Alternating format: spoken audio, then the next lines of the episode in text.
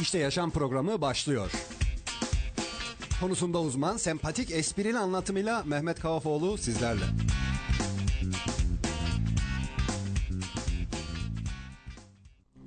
Radyo Radar stüdyolarından İşte Yaşam programıyla karşınızdayız. Ben Bilgenur Ülger. İşte Yaşam programının ilk bölümünde aslında programın ev sahibi değerli hocam İş sağlığı ve güvenliği uzmanı Mehmet Kavafoğlu bizimle. Hocam hoş geldiniz. Teşekkür ederim. Hoş bulduk. Nasılsınız? Ev, ev sahibi bensem ben mi hoş geldiniz demem lazımdı size. Sanki. Bilemedim nasıl olacak bilemedim ama neyse. Teşekkür ediyorum. Siz de iyisiniz inşallah. İyiyiz çok şükür. Şimdi e, Bilgi Hanım'la yeni tanıştık aslında biz arkadaşlar. E, dedi bir program yapalım. Peki yapalım dedik. E, iş güvenliği uzmanı olunca da iş güvenliği hakkında konuşalım dedik. Biz bundan sonra her salı saat 14'ten sonra 10-12 dakika e, bir haberlerin ardından e, yaklaşık yarım saat 40 dakika iş sağlığı güvenliği hakkında aslında işteki yaşamımız hakkında konuşacağız diye düşünüyoruz. İnşallah Bilgi Hanım da bize eşlik edecek. Bilgi Hanım'a bazı sorularım olacak ama genelde bilemeyecek sandım o soruları. E, bilebilir misiniz acaba Bilgi Hanım? Belki. Belki bir ihtimal. Bir kalkınca bakalım. Mesela bir tane sorayım. Yaşınız kaç? 26. Hanımlara bu soru sorulmazmış. Peki sorulmuyoruz. 26 yaşındayım diye. Çok hızlı söyledi ama ya. Zaman değişiyor. Biz yaşlandık artık arkadaşlar. Neyse. Şimdi konumuz iş sağlığı güvenliği. Biz e, işteki yaşamımız yani işe gidiyoruz. Yaklaşık günün kaç saati buradasınız Bilge Hanım? Çok saati. Değil mi? Çok saati. Ama buradaki güvenlik hakkında çok şey düşünmüyorsunuz sanki. Hiç Yani düşünmüyorum. düşünmüyorsunuz. Merdivenlerden hızlı hızlı inebiliyorsunuz. Acil işleriniz çıkıyor aman diyorsunuz. Arkadaşlarınıza hadi hadi çabuk ol diyorsunuz. Bir sürü bir şey var aslında ve bunlar bu acelecilik, bu şey bize zarar verebilir belki. Belki bir sehpanın kenarı, belki merdivenin ıslanması, arkadaşın çay getirirken yere döktüğü su parçası, parçaları bize ve biz bunları hiç düşünmüyoruz aslında yaşam yaşarken. Daha doğrusu çalışırken. Yaşamın içerisinde de var aslında. Trafik, yol. Mesela benim annemin eee, saksıları. Sivas Caddesi'ni biliyorsunuz. Hı hı, Biliyorsunuz değil mi? biliyorum. Domino's Pizza'yı biliyor musunuz? Reklama giriyor mu bu? Bunu söyleyebiliyor muyum? Onu bilmiyorum. Sorarım. Söylemiyorsam bir daha isim vermem. Sö- söyleyebiliyor muyum? Bilmem. Bilmiyorsunuz. musunuz? Bilmiyorum. Peki o zaman şöyle yapıyoruz. Yoldan geçiyorsunuz, yürüyorsunuz mesela. Annemin saksıları var. Beşinci katta. Adresi de söyledik. Annem inşallah bir şey olmaz. Neyse. Yoldan geçerken annemin saksıları düşebilir. Anneme diyorum ki anne bu saksıları buraya koyma. Niye oğlum diyor. 40 yıldır duruyor orada diyor. Belki 50 yıldır. Anne gözünü seveyim koyma buraya diyor. O diyor ki oğlum diyor bir şey olmadı ki diyor. Aslında bizim başımıza hep o bir şey olmadılarla bir şey geliyor. Ben dün bir e, haber izledim. Adam 300 kilometre hızla motor sürüyor. Kas kamerasından birden savruldu, kenarlara çarptı, rahmetli oldu. Aslında ilk, ilk defa 300 olmadı o arkadaşın şeyi, e, kadranı. Ama bir seferinde, maalesef bir seferinde güvenli bir yerde kalmamız gerekiyor. Ha, biz ne yapacağız? Biz bu program dahilinde her salı 14'den 10-12 dakika sonra başlayacağız. 15'e kadar. Ee, sizle beraber neler yapabiliriz? Bu yasanın şeyi ne? Ee, ne getirdi bize? Ne götürdü? Neler yaptık? Neler yapmadık? Bunları konuşmaya çalışacağız. Ee, isterseniz e, bir yasadayı tarif etmeye başlasak mı acaba? Nasıl yapsak bilemedim. Ne diyorsunuz? Başlayalım. Başlayalım. Diyelim ki 6331 sayılı iş sağlığı güvenliği yasası çıkmadan önce Türkiye'de iş sağlığı güvenliği diye bir şey yok muydu? Size soruyorum hadi. Yoktu. Emin, emin misiniz? Vardı aslında. 4857 sayılı bir yasamız vardı. Çalışma hayatını şey yapan, e, şekillendiren, işte kaç kişi çalışır, ne kadar çalışır, kaç saat çalışır, hangi evraklar lazımdır, özlük dosyası nedir falan filan diye bir sürü çalışma hayatıyla ilgili hala yürürlükte olan 4857 sayılı yasanın 70. maddesinden sonra zannımca 71. maddesiydi. 71. maddesinde güvenlikle alakalı şartlar vardı ve genellikle de 50 kişinin üstünde çalışan olan işletmelerde bu şartlar uygulanırdı. Yani şöyle düşünün 50 kişiden az çalışanınız var 48 kişiden çalışıyorsunuz. İki fabrikasınız veya iki işletmesiniz. Karşı yolun karşısındaki işletmede 48 kişi çalışıyor. Yolun karşısındaki biz bu işletmede 53 kişi çalışıyor. 48 kişiyle çalıştığınız işletmede bu yasa dahil değildi. Oradaki aynı işi yapıyorsunuz. Mobilya yapıyorsunuz mesela. Oradaki makinalarla makinalara alacağınız güvenlik önlemleriyle buradaki makinalara alacağınız güvenlik önlemleri bambaşkaydı. Burada bir sürü güvenlik önlemi alırken çalışanların sağlığını koruyabilmek için karşı fabrikada hiçbir önlem almanıza gerek yoktu. Aslında garip bir yasaydı. Yani garip bir yaklaşımdı. 50 kişiden fazla çalışan olan yerlerde kaza olunur gibi düşünülüyordu. Nerede? 4857'de. Ne zaman? Hangi yıldan önce? 2012'den önce. Dolayısıyla e, sıkıntılar yaşanıyordu. İş kazaları e, önlem alan ve almak, almamak e, ha bu tartışılır. İlerleyen konularda, ilerleyen günlerde bunu haftalarda bunu tartışabiliriz. Diyebiliriz ki ya işte iş kazaları istatistikleri çıkarırız mesela. Deriz ki ya işte ne kadar faydalı olmuş mu, olmamış mı? Bunları tartışabiliriz. Veya işte yangın tartışabiliriz. Konu nereden nereye gitti? Ben yine daldan dala atlıyorum. Desenize Mehmet abi nereye gidiyoruz diye. Şimdi e, 4857'ye dönelim. Yine yasaya dönelim o zaman. E, ilk zannımca 2003 yılında bu 6331 sayılı iş sağlığı güvenliği yasasının taslağı oluşturuldu. Hatta meclise de geldi ama bir sebeplerden dolayı geçmedi. Ta ki 2012 yılına kadar. 2012 yılının 6. ayın son günü bu yasa resmi gazetede yayınlandı. Dedi ki yasa 6331 sayılı yasa e, bundan sonra mevcut durum e, mevcut durumdaki işverenler yani işçiler şey pardon iş iş iş verenler evet fabrikalar yani işletmeler tamam buldum. Ha bir de bu arada hemen bir parantez açayım. Ee, böyle takılabilirim ben. Ee, bazen çift söyleyebilirim, şaşırabilirim. Ee, yanlış cümleler kullanabilirim. Şimdiden bütün dinleyicilerimizden özür diliyorum. Kusurumuza bakmasınlar. Sürçülisan edersek affetsinler bizi. Ee, şimdi ee, dedi ki şuradan tarih okuyacağım. 36 2012'de yayınlandı. 6331 sayılı yasa. Dedi ki arkadaş dedi bundan sonra mevcut durum yani 4857'de bu işe tabi olan işletmeler hala artık bize tabi. Bana tabi dedi. 6331'e tabi dedi. Sonra da dedi kademeli geçiş yapacağız dedi.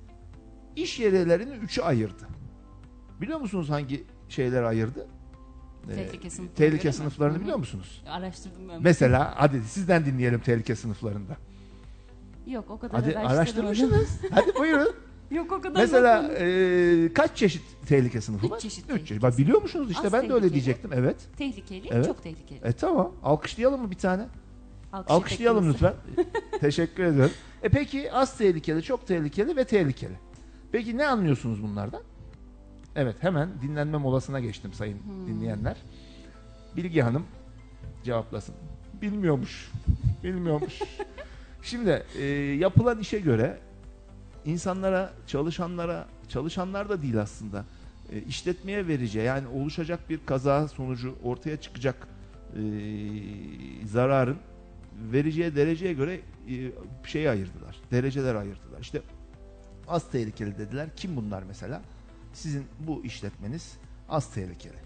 İnsanlar çalışıyor, bir makine çalışmıyor, fazla bir makine çalışmıyor. Çalışan makineler insana büyük zararlar verecek, ölümlü, uzuv kayıplı zararlar verecek makineler değil. Mesela faks makinesi, işte telefon veya bilgisayar gibi e, veya işte küçük e, dikiş makineleri gibi makineler olan işleten e, iş yerlerine az tehlikeli dediler.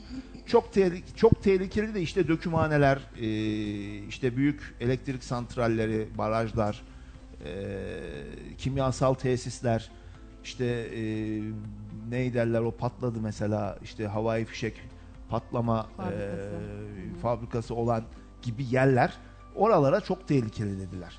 Tehlikeliler de bizim işte organize sanayilerimizdeki fabrikaların yüzde sekseni, yüzde yetmişiye sekseni yani oran belki yanlış olabilir ama o tarz yerler.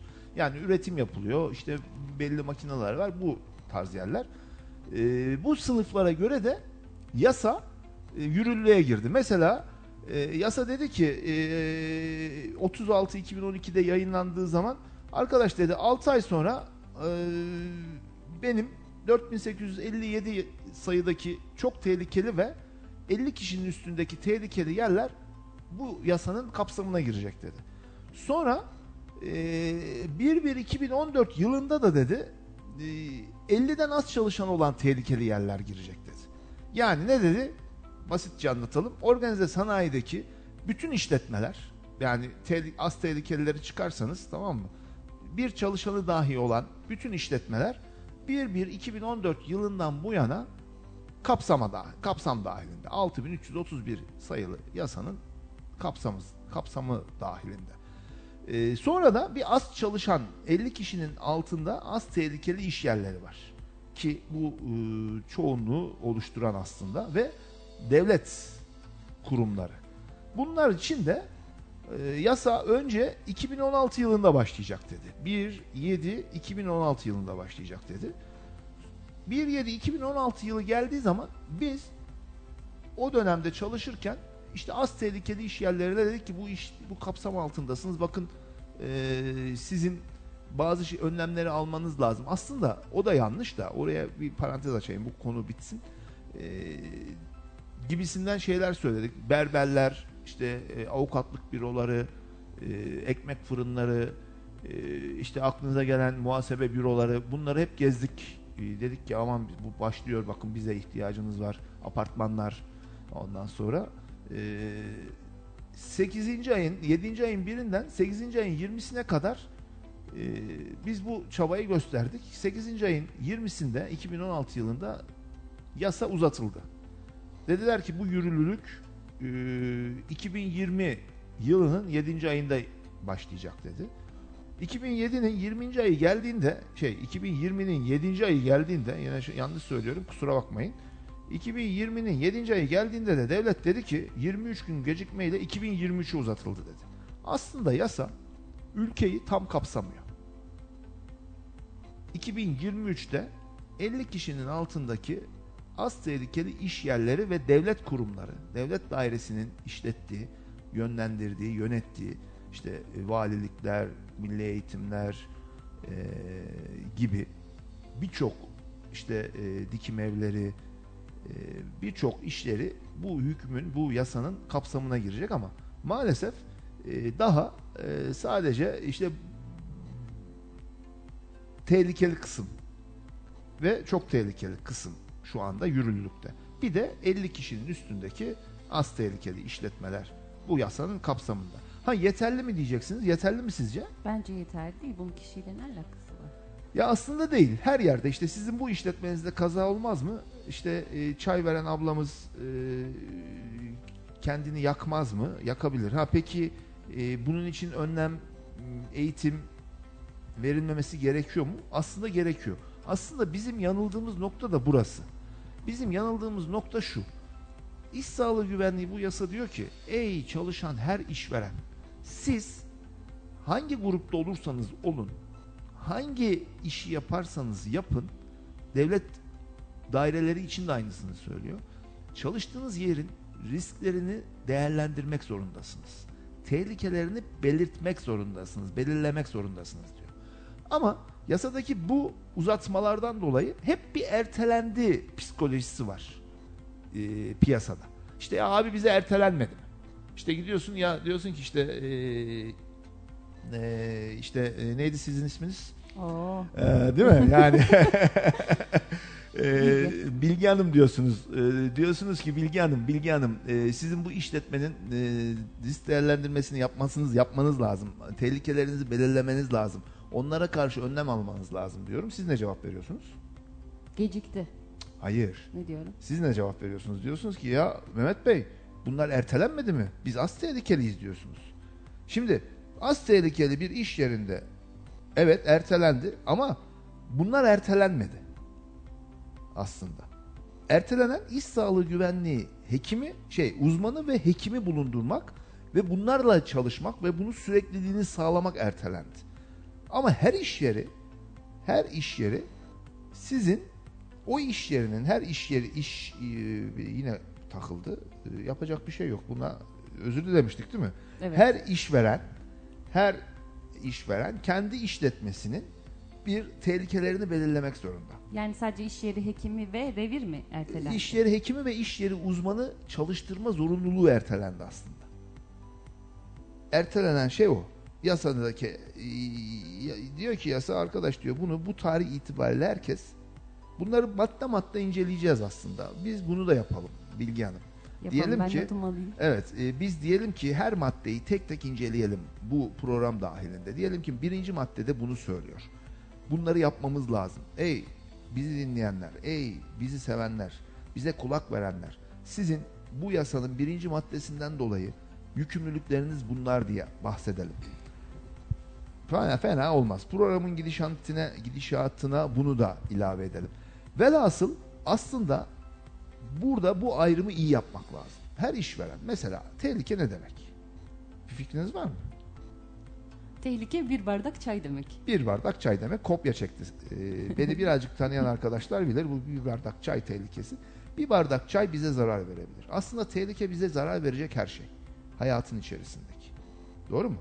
Evet. Bize zarar verecek her şey. Ne? Sehpanın kenarı. Dizimizi çarparsak kırılabilir mi? Kırılabilir. Çok basit bir şekilde lavabonun önüne dökülmüş bir parça, bir damla, bir miktar su. Orada hızlıca su almaya gelen bir arkadaşımız kayıp düşebilir mi? Ayakkabısı ıslanıp düşebilir. Kafasını yere vurup ölebilir mi? Aslında çok basit bir yer. Peki buna nasıl bir önlem alabiliriz? Lavabonun önüne bir tane bir parça e, bir havlu, bir parça bir e, bu korugan koruganlar var. Delikli, üstü ızgara gibi oluyor. Hemen lavabonun önüne koyuyorsunuz. Orası ıslansa dahi ayağınız ıslanmıyor. Onun üzerine bastığınız için. Oraya su dökülmüş olsa da- dahi siz gidip geliyorsunuz. Buradaki şey için söylüyorum. Yani basit işte bir çay ocağı için söylüyorum. Bu aslında bir nebze önlem. Sizin kaymanıza karşı kayma tehlikenize karşı alınmış bir önlem. Peki bunu koymayı kim söyleyecek? İşveren diyecek ki abi benim yani kendisi de yapabilir bunu. İlla bizden bizlerden destek almak zorunda değil. Kendisi de yapabilir. Diyor ki diyecek ki bize ya işte veya kendisi ya benim ne tür tehlikelerim var? İşte ben burada çay ocağında veya işte ofiste otururken buralarda neler olabilir? Ben bunlara karşı ne tür önlemler alabilirim? Ve bunları da yazılı hale getirdiği zaman bunları da takip ettiği zaman aslında işte iş güvenliğinin uzmanı, iş güvenliği uzmanının görevi burada başlıyor. Bunu takip edebilmek. Üstad bunu yapmamışsın. Üstad bak bunu yapmamız lazım. Biz bunu belirlemiştik. Buna karşı önlem almadık gibi e, pozisyonlar. Velhasıl yine yasaya döndüğümüz zaman 6331 yas sayılı yasa %70 şekliyle yürürlükte. Kapsam dahilinde. Nerede? Organizedeki fabrikaların çoğunluğu. Çok tehlikeli ve tehlikeli iş yerlerinin hemen hemen hemen değil tamamını kapsıyor. Neyi kapsamıyor? Az tehlikeli iş yerlerinden 50 kişiden aşağı çalışan olan. 49 tane çalışanınız var. Az tehlikelisiniz. Bu kapsamda değilsiniz. Hangi kapsamda değilsiniz? İş yeri hekimi ve iş güvenliği uzmanı bulundurma kapsamında değilsiniz. Ama hangi kapsamdasınız? Az tehlikeli. Yok yok. Hangi kapsamdasınız? İş yerindeki tehlikelere karşı tehlikelerinizi analiz edip risklerini belirleme kapsamındasınız. Sizin bir tane terzi dükkanınız var. Kendiniz diyeceksiniz ki abi iş müşteri geldiği zaman burada zarar görebilir. Abi sen şurada dur diyeceksiniz müşteriye. Bunu belirlemek lazım ve bunu yazmanız gerekiyor aslında. Bizim bu yasadaki eee, hep erteledik, hep erteledik dediğimiz nokta aslında bura. Aslında yasa ertelenmedi. Aslında yasa eee, şey değil. eee, hakikaten tamamıyla yürürlülükte, tamamıyla kapsam dahilinde ama maalesef devletin eee, sürekli bir maddesini bir kısmını erteleyerek işte yürürlüğe girer. İşte o yasada ne diyor? İşte yürürlülük diyor. Şu şu şu maddelerde şu tarihte yürürlüğe girer, şu tarihte yürürlüğe girer.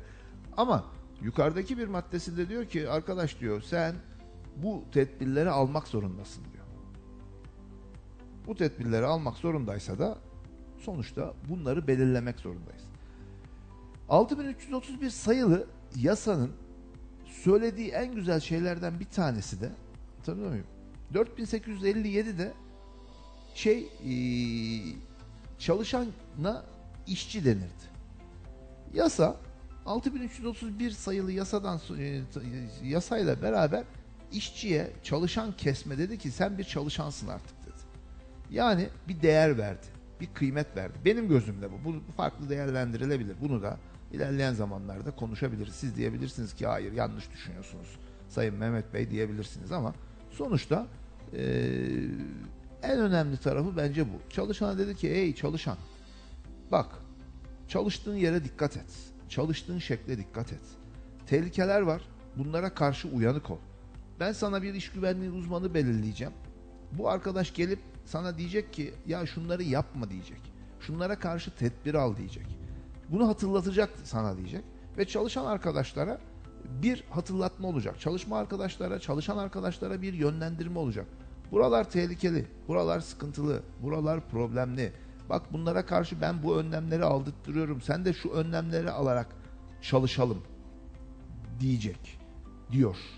Yani işverene, işçiye, çalışma hayatına bir düzen geldi. İşte evet aynen öyle oldu. Aslında bu yasayla dendi ki arkadaş yaşa, işte yaşadığınız hayatta yani işte yaşam ya yaşamdaki işimizde biz artık kurallar dahilinde çalışalım. Bu kuralları kendimiz belirleyelim. İşte e, gözlük takacaksak, gürültüyü azaltacaksak, tabii muyum? İşte e, mesela e, bizim bu ilk başladığımız yıllarda biz bir fuara katılmıştık.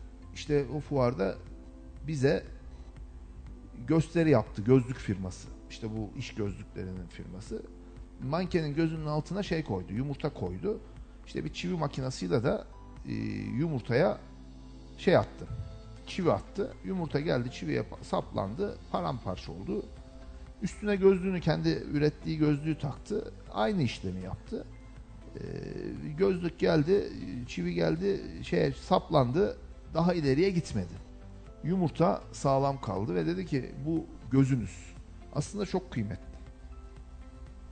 Yani o bizim gözümüz. Görmediği zaman yapacak hiçbir şey yok. Görmediği zaman göremiyoruz. Ama çalışırken şöyle de bir sıkıntı yaşıyoruz biz. Yani ben uzman olarak yaşıyorum. Diyorum ki ya gözlüğü tak. Adam diyor ki abi çalışamıyorum. Niye? İşte alışamadım. Başım ağrıyor. İşte bir sürü bahane sunuyorlar. Ve birinde şey yaptım ben. Dedim ki ya arkadaş yani gözün görmüyor olsa yani Allah göstermesin. Sen kör bir yani görmeyen bir gözle yaşamaya alışmayacak mısın? Alışacağım dedi. Evden çıkıp aşağıdaki bakkala inmeyecek misin? Parkta gezmeyecek misin? İşte alfabesini öğrenip yazıları okumayacak mısın? Okuyacaksın. Bunun için bir süreç lazım. E gözlüğü takma takarak dedim. Yani en azından o sürece kat şey yapma yani gözlüğü takmak için de bir hafta uğraş. Bir hafta çaba sarf et. Burada en büyük sıkıntı yani en büyük sıkıntı demeyeyim sıkıntı değil aslında da çalışan arkadaşlar kendi sağlıklarını korumak için çaba sarf etmiyorlar. Bizim gördüğümüz en büyük sıkıntı bu 6331 sayılı yasanın içerisinde. Biraz da böyle anlaşılmış olabilir mi? Sadece işverenin yükümlülüğü gibi. Ya biraz öyle anlaşılıyor. Herkes kendi penceresinden bakıyor. Aslında işte bizim burada notlarınızı alırsanız bunları konuşurken şey yapıyoruz.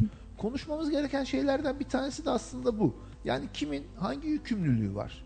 Yani e, kim nereye kadar yükümlü? Bu yükümlülük aslında bunları da hep bu maddeleri konuşurken mesela yasa diyor ki işverenin diyor sorumluluğu kesinlikle devredemez diyor. İşveren sorumluluğu devredemez diyor. Bu ne demek? Sizce? İşveren kendi yapacak. İşveren sorumluluğu devredemez. Siz sorumluluğunuzu devredemezsiniz. Ne demek? Yani şimdi e, işverenim bütün e, önlemleri aldı ama ben buna dikkat etmedim. Yine de işverenin mi sorumlu demek? Aslında e, şöyle e, işveren sorumlu. Biraz önce bahsettiğiniz güzel bir nokta. Hmm, şimdi şöyle e, çalışana her şeyi veriyorsunuz. Çalışanı kullandırmıyorsunuz. İşverene diyor ki arkadaş diyor eğer o arkadaş bu kurallara uymuyorsa o arkadaş da çalışma diyor. Yasak. Yani bu noktadan onu anlıyoruz. Eğer işveren sorumluluğu devredemezse kendi sorumluluğunda ne diyor? Bu arkadaşa bunları çalıştır, kullandır diyor. Bunları kullanmıyorsa çalışma diyor. Ama kişi çıktığı zaman o iş yerinden, şu anki durumu söylüyorum ama bu zamanla oturacaktır elbet. Başka bir iş yere gidiyor. Öbür adam diyor ki ben diyor çalışacak kimseyi bulamıyorum diyor.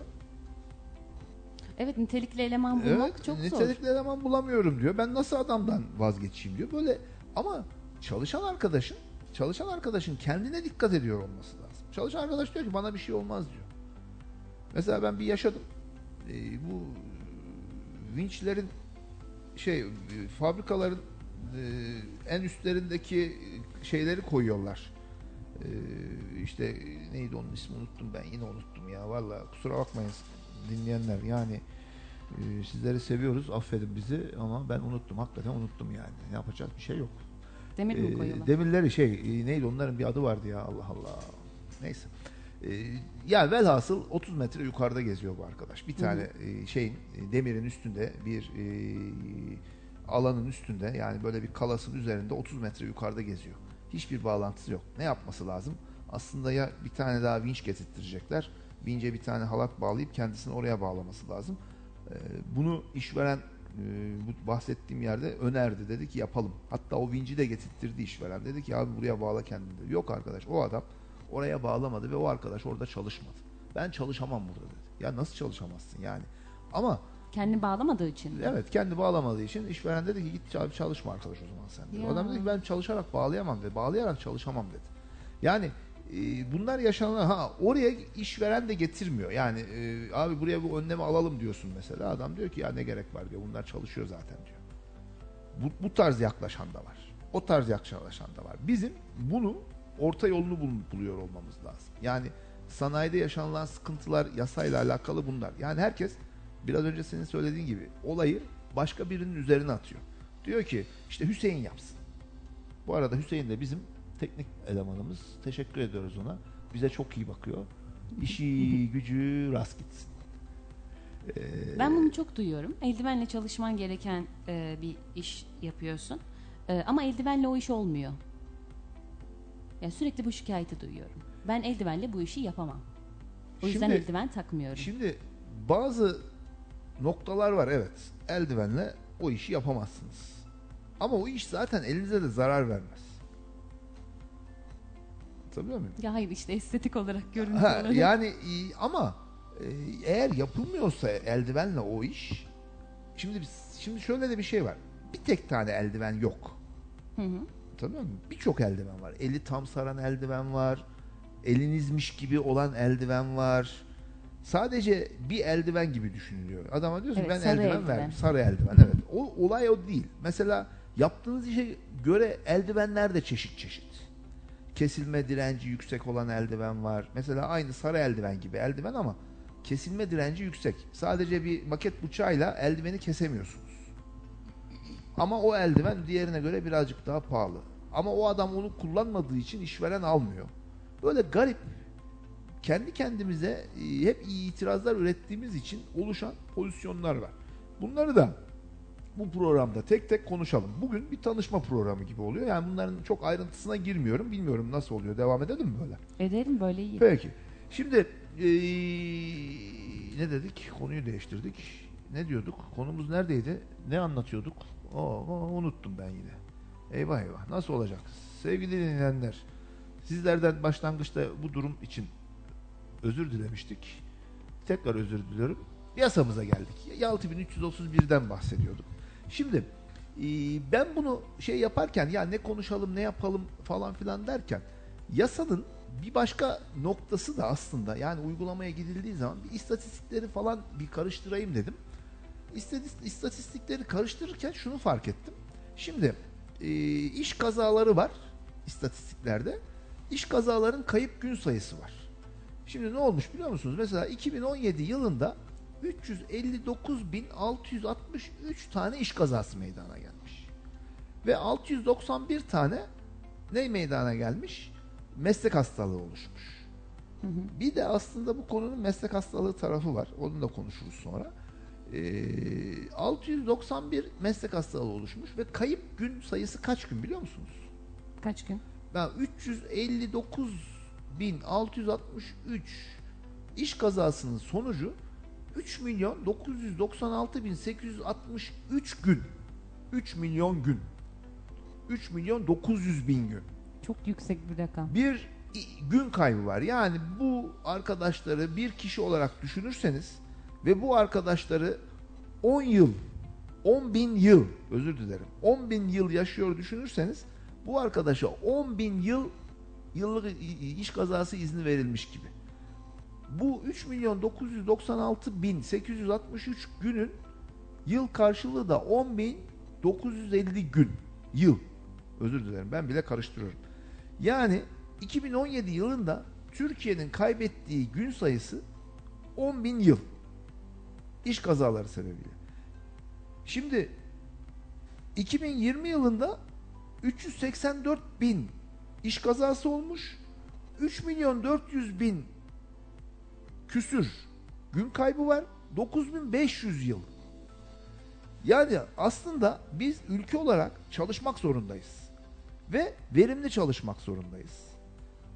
Ve biz bu iş sağlığı güvenliği kurallarına, kaidelerine, yasalarına ne kadar riayet ederek yaşarsak hem sağlıklı olacağız, hem güvenli olacağız, hem bu kadar yıl kaybımız olmayacak. Ülke olarak konuşuyoruz.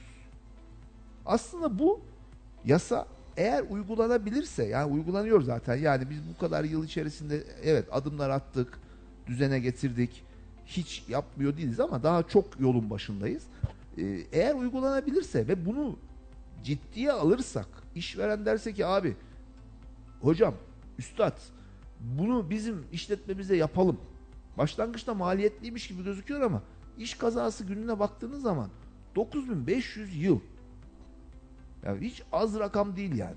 Çok yüksek bir rakam. Evet yani bu benim de çok ilgimi çekti. Yani hiç bu açıdan hiç bu e, yönden bakmamıştım. Yani bir arkadaş bugün bir hafta izin aldı. Aslında çok önemli değil gibi düşünüyorsunuz. Hı hı. Ama önemli niye? Siz izin aldınız, iş kazası geçirdiniz. Ne yaptınız? Diziniz çarptınız, diziniz kırıldı. Veya merdivenden inerken ayağınız burkuldu. Basitmiş gibi gözüküyor. Ama biz biz 10 gün yoksunuz, bir ay yoksunuz. Sizin yapmanız gereken iş bir ay aksayarak yapılıyor. Belki yapılmıyor. Evet. Mesela bir ay e, o fabrikada 30 tane ürün çıkacaksa 28 tane çıkıyor. Sırf siz yoksunuz diye. Ve ülkede sizin gibi bir sürü adam ikişer ürünü eksik çıkarttığı zaman 1 milyon tane aslında ürün eksik oluyor. Basit bir örnek. Şimdi aklıma geldi. Mesela e, o arkadaş bir tane şöyle sunta kesiyor. O suntanın üzerine bir işleme yapılıyor ve satılıyor. Onu öyle düşünelim. İki tane eksik kesiliyor. Bu kadar yıl eksik kesiliyor aslında. Bütün ülkede. Aslında çok büyük bir iş kaybı. Evet üretim kaybı. Üretim kaybı. Bu dolayısıyla eğer yurt dışına satıyorsanız bunu dolar kaybı. Yurt içine satıyorsanız eksik. Yani biz ulaşamayacağız o ürüne demek aslında. Bunu parça parça parça parça bütün sektörlere koyduğunuz zaman iş çok başka. Ve bunu konuştuğumuz için bu istatistikleri de aslında yine programlarımız içerisinde dönem dönem işte bak şu kadar şöyle olmuş, bu kadar böyle olmuş. Bunları da konuşup böyle ilginç noktalara gelebiliriz. Ben e, yani bunca yıldır bu işi yapıyorum. Verimliliğin artırdığını konuşuyoruz. Eğitimlerimizde bahsediyoruz. Diyoruz ki işte arkadaş siz ne kadar verimli çalışırsanız, siz ne kadar düzgün çalışırsanız, ne kadar düzenli çalışırsanız verimlilik artar. Verimlilik arttı mı ülke kazanır diyoruz ama Hı hı. ee, işin bu kadar ciddi olduğunu bugün bunları incelerken ee, fark ettim. Ee, ayrıca bir de bu işin yangın deprem tarafı var. Bizim ülkemizde maalesef yangına ve depreme çok önem verilmiyor. Evet. Biz maalesef işte mesela iş yerlerinde sürekli şey diyoruz. Ya yangın tüplerinin yerini değiştirmeyin. Bir gün ne oldu biliyor musunuz? Yakın zamanda oldu. Fabrikada yangın tüplerini aldık, doldurduk. Her yere astık böyle güzel güzel işaretler koyduk. Anlattık güzel güzel böyle keyifli keyifli. Bir hafta on gün sonra bir daha gittim işletmeye. Geziyorum yangın tüpünün bir tanesi yok. Yerinden asılı yangın tüpünün bir tanesi yok tamam mı? Dedim ya bu tüp nerede? Neredeymiş? Nerede? Ya Mustafa abi nerede? Aa, Hasan abi nerede? Aa Mustafa abi, Hasan abi, abi nerede? Nerede? Nerede? Nerede? Nerede derken şuradan bir tanesi çıktı geldi. Şöyle kısa boylu bir arkadaş. Paytak paytak yürüyor tamam mı? Ondan sonra şimdi sen nereye koydun dedim tamam mı? Sen mi koydun dedim önce. O zaman bir korktu şöyle. Allah Allah dedi ya ne yapıyoruz falan yaptı şöyle.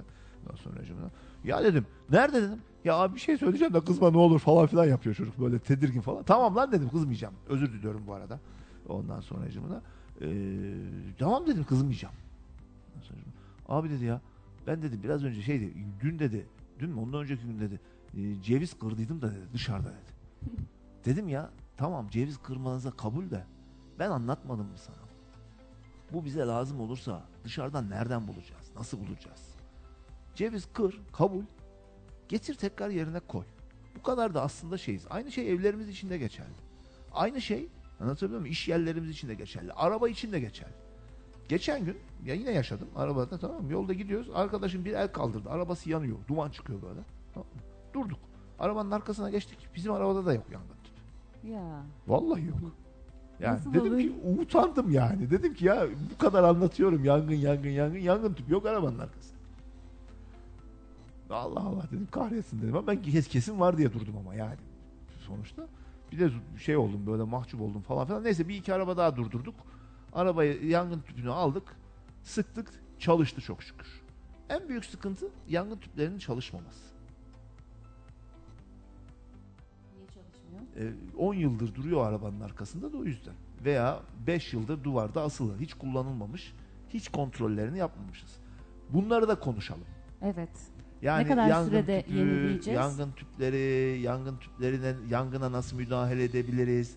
Hangi yangına hangi müdahaleyi yapabiliriz? Bunları da depremde ne yapmamız lazım? Mesela deprem hikayeleri. Şimdi eee, neydi onun ismi? Geçen Kayseri'de bir deprem oldu. İşte geçenlerde Erzincan'da bir deprem oldu. Hı hı. İşte televizyonda izliyoruz. İşte herkes kaçıyor.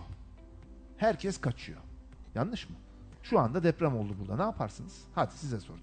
Yani nereye kaçacaksın? Yer sallanıyor zaten. Peki sen ne yaparsın şu anda? Hadi söyle. Ben masanın altına girerim. Masanın altına girmek de yanlış. Hüseyin Bey? Ya. Hüseyin Bey ne yapar? Anlatıyor. Bir dakika dinliyoruz. Bir saniyenizi alıyorum lütfen. Evet Hüseyin Bey. Lütfen. Evet haklısınız. Masanın altına girmek yanlış değil mi? Ama bize böyle öğrettiler.